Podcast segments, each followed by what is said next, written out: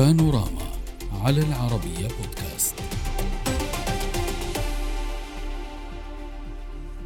وزير العدل في عهد الرئيس الأمريكي السابق دونالد ترامب نصح الأخير بالا يتولى الدفاع عن نفسه بنفسه ويرى الوزير هذه الفكرة سيئة جدا لترامب لأنه يفتقر لضبط النفس كما قال. ربما قد يسبب ذلك ازعاجا لفريق الدفاع ولكن ثمة ما يزعج أيضا. محامو ترامب نددوا بتصويت هيئة محلفين لصالح توجيه الاتهام لموكلهم وصفين الأمر بأنه اضطهاد سياسي وهو ذات الوصف الذي استخدمه ترامب قبل أي أيام إجرائيا لا يتوقع محامي ترامب جو تاكوبينا أن يبادر الدفاع إلى طلب رد القضية فورا مشيرا إلى أن وكلاء الرئيس السابق لن يتسنى لهم بعد الاطلاع على التهم.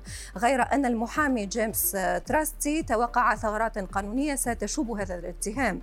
تقييم القضية ضد ترامب صعب حاليا فلا تهم دقيقة ولا أدلة واضحة على الأقل حتى هذه الساعة. وثمة ما قد يشكل عثرات أمام سعي الادعاء لإصدار حكم بالإدانة. مثلا شهادات وأدلة محل تساؤلات. فالشاهد مايكل كوهين محامي سابق مدان قانون التقادم كذلك في نيويورك خمس سنوات فقط والقضية تاريخها منذ 2016 أي مر عليها أكثر من خمس سنوات.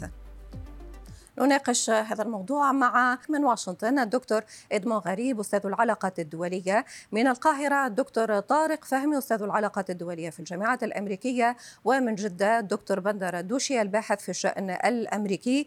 أهلا بكم ضيوفي الكرام. اسمحوا لي أن أبدأ معك دكتور إدموند آه، في الواقع اختلفت تصنيفات ما يحدث من تطورات بين القائل بأن ما يحدث هو آه، محاكمة قانونية أو قضية قانونية. البعض يصفها بالسياسية البعض الآخر ذهب حتى لتوصيفها بالشخصية. ولكن مهما يكن التوصيف هل تعتقد بحسب قراءتك بأن ترامب قادر على أن يستفيد من هكذا التطورات أو أنها ستضر به سيتضرر من آه، هذا الملف؟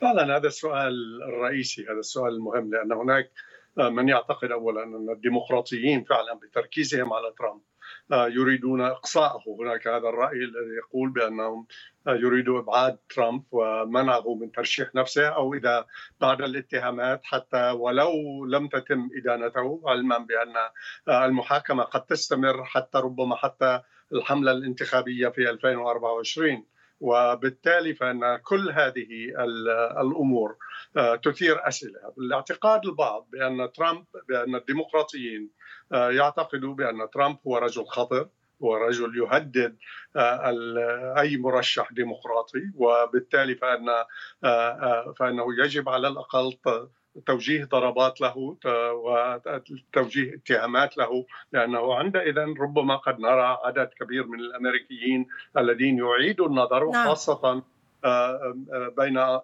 الأشخاص الذين يناصرونه أو المستقلين على الأقل صحيح ولكن يقال كذلك دكتور ادمون بأن الضربة التي لا تقتلك فهي تقويك وترامب شهد فيما قبل يعني بعض القضايا التي خرج منها فائزا. وهنا سؤال دكتور بندر هل تعتقد بأن ترامب قادر على مواجهة هذه القضية رغم أنها سابقة في تاريخ الولايات المتحدة الأمريكية؟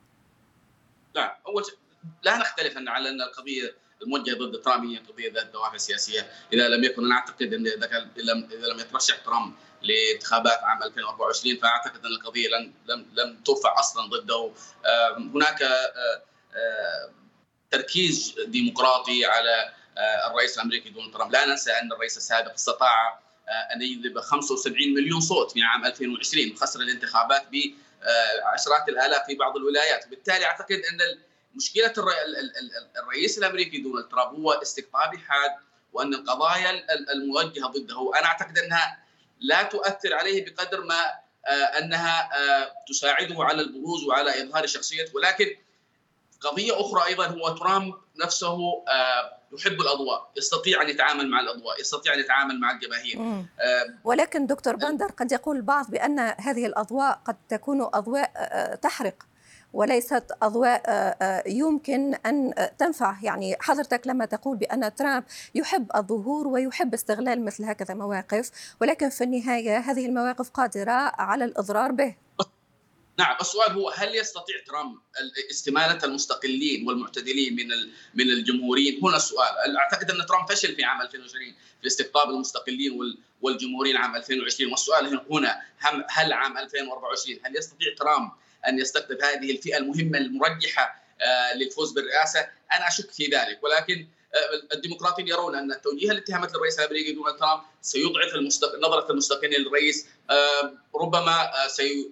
سيعطي إثارة لدى القاعدة الجماهيرية التي يحظى بها لكن المستقلين والمعتدلين في الحزب الجمهوري يرون هناك جزء كبير أعتقد 12% و16% من الجمهوريين المعتدلين يرون أن الاتهام هو اتهام حقيقي وأن يجب الرئيس الأمريكي أن يواجه المحاكمة المستقلون يرون 48% من المستقلين يعتقدون أن نعم. الاتهام له دوافع سياسية وبالتالي التركيز الآن هو على المستقلين والمعتدلين في الحزب الجمهوري وتقريرهم ما إذا كانوا سيرجحون كفه ترامب أو المرشح الديمقراطي، أيضا هناك نقطة أخرى مهمة. الجهة الديمقراطية الأخرى هناك إشكالية في المرشحين. آه، بايدن لم يعلن ترشح. مجموعه أغلبية الديمقراطيين لا يريدون بايدن ان يترشح. آه، وبالتالي هناك إشكالية أيضا كبيرة في الجهة المقابلة. ترامب يرى أنه إذا واجه بايدن آه، بهذا السن وبهذا العمر وبهذه الكوارث نعم. الأزمات الداخلية يستطيع أن يهزمها. ولكن ولكن هناك أزمة ليس فقط لدى الديمقراطيين هناك أزمة كذلك لدى الجمهوريين يقول بعض وسنأتي على هذه النقطة ولكن في مرحلة متقدمة من هذه الحلقة.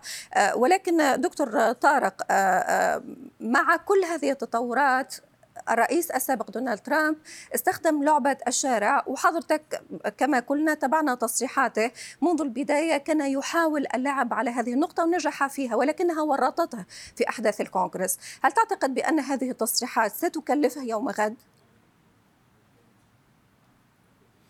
لا أعتقد يعني الرجل بارع في التعامل مع الميديا ومع الساحة السياسية الحزبية داخل الحزب وخارجه هو يبني مظلومية جيدة الآن. هذه المظلومية بصرف النظر عن توجيه الاتهامات بصورة مباشرة وهذا الأمر سيأخذ عدة أشهر ربما يعني ستطول موضوع المحاكمات وانضمام بعض القضايا الأخرى وتفنيد الأدلة والاتهامات الموجهة له. وبالتالي الرجل يذهب إلى المحاكمة وهو يدرك جيدا أن الأمر لن يحسم خلال فترة وجيزة وبالتالي هو يرتب حملته الانتخابية ويفكر وفق نسقه العقيدي الفكري أن يتعامل مع المشهد الانتخابي على الطريق التكتيكي والاستراتيجي معا. وبالتالي أعتقد إنه حتى الآن هو يربح من مما يجري بصرف النظر على أنه لديه الإمكانيات والقدرات في التعامل مع الميديا وال social media. م. يعني هذه الأمور تفهم في سياقها. أعتقد إنه آه، يعني يريد أن يخرج من حالة الفشل التي دخلها في الانتخابات التجديد النصف للكونغرس. كما تعلمي ظهر وكأنه وقتها يدير الانتخابات من آه، ليست انتخابات آه، كونغرس وإنما انتخابات خاصة بالرئاسة. وبالتالي الحزب الجمهوري عينه أيضا عليه بصورة أو بأخرى. الرجل يتعامل مع منطق مختلف تماما عكس ما هو كان في الرئاسة بطبيعة الحال. هو يواجه أكثر من معركة من داخل حزبه ومن خارجه ومن الساحة السياسية. نعم. لكن القاعدة الرئيسة التي يتحرك من خلالها هي قاعدة اليمين آه، آه، المتطرف. هي القاعدة الشعبوية التي تتهم بأنها فوضوية يستطيع أن يحرك الشارع. له أنصاره له جمهوره المؤيد. آه، محاولة استقطابه ليه يعني أرضية أخرى للشرائح داخل الحزب الجمهوري أو على المستوى الفيدرالي أعتقد صعبة للغاية لأن هذه قواعد ثابتة تأخذ فترات طويلة. أنت تعلمي أن هذه الأمور بتاخذ بعض الوقت واستطلاعات الرأي صحيح أنها تؤيده الآن من داخل الحزب الجمهوري وتؤيد ترشيحه لكن هذه خريطة يعني عائمة بمعنى أنها لا يمكن أن تحسميها بصورة أو بأخرى في ظل وجود منافسين أقوياء للغاية داخل الحزب الجمهوري. والحزب ليس ترامب كما تصور البعض هناك مرشحين يعني يتمتعون بمزايا كثيرة ويستطيعون أن يدخلوا معركة كبيرة لكن نحن نتحدث الآن ليس خلال الفترة المقبلة يعني نتحدث عن أرضية الواقع نعم. أعتقد إن ترامب ليس ضعيفا بل هو قويا يستطيع أن يقدم مقاربة جديدة ومختلفة وسيستطيع أن يفلت من كل نعم. هذه الاتهامات على الأقل لبناء مظلومية جماهيرية في هذا التوقيت. طيب طالما تحدثت دكتور طارق عن استطلاعات الرأي آه، هناك استطلاع استطلاع للرأي وأود قراءتك لو سمحت لي دكتور إدموند لنفهم كيف يفكر الشارع الأمريكي يعني أي بي سي قامت باستطلاع وكشفت بأن 51% يطالبون بإدانة الرئيس السابق دونالد ترامب فيما يخص اجتياح الكونغرس أقل من هذه النسبة وبالتحديد 45% يطالبون بإدانته في هذه الدعوة الحالية بما يفسر ذلك؟ اولا أعتقد أن ما نراه الآن فيما يتعلق مثلا بموضوع الدعم لترامب. آه، بدون شك الرأي العام أيضا اجمالا منقسم وهناك أسئلة أيضا حول بعض آه، الاستطلاعات لأن الأسئلة التي توجه للمستطلعين آه، قد تؤدي أو تؤثر على الإجابة. ولذلك لا أعتقد أو أنا على الأقل شخصيا لا أعطي الكثير من الاهتمام لهذه الاستطلاعات في هذه المرحلة. آه، ربما قد نرى تغيير في المستقبل خاصة بعد أن نرى ما هي التهم. نرى كيف سيرد محامو ترامب. نرى إلى أي مدى مثلا قد يستمر التحقيق ليس فقط مع الرئيس السابق بل كيف سيتم التحقيق أيضا مع المدعي العام لأن هناك ثلاث لجنات الآن في مجلس النواب. نعم. من الجمهور الذي يسيطر عليه الجمهوريون يطالبوا آه، بالتحقيق مع آه، ألبن براغ وهو المدعي العام لأنهم يقولوا أنه مسيس آه، وأنه يسيس هذه الاتهامات ضد الرئيس أنه يحاول استخدام مبررات قانونية نعم. غير مبررة لا يمكن تبريرها. وبالتالي فإن هذا يظهر بأن الرأي العام نفسه منقسم، أيضا رأينا أن غالبية القيادات الجمهورية في مجلس النواب آه، حتى بعض والقيادات التي تأمل بترشيح نفسها في الانتخابات آه، القادمة آه، قامت بدعم ترامب. أود شكركم جزيل الشكر بما أن الحلقة انتهت اليوم. من واشنطن الدكتور إدمون غريب من القاهرة الدكتور طارق فهمي ومن جدة الدكتور بندر دوشي شكرا جزيلا لكم. السلام عليكم.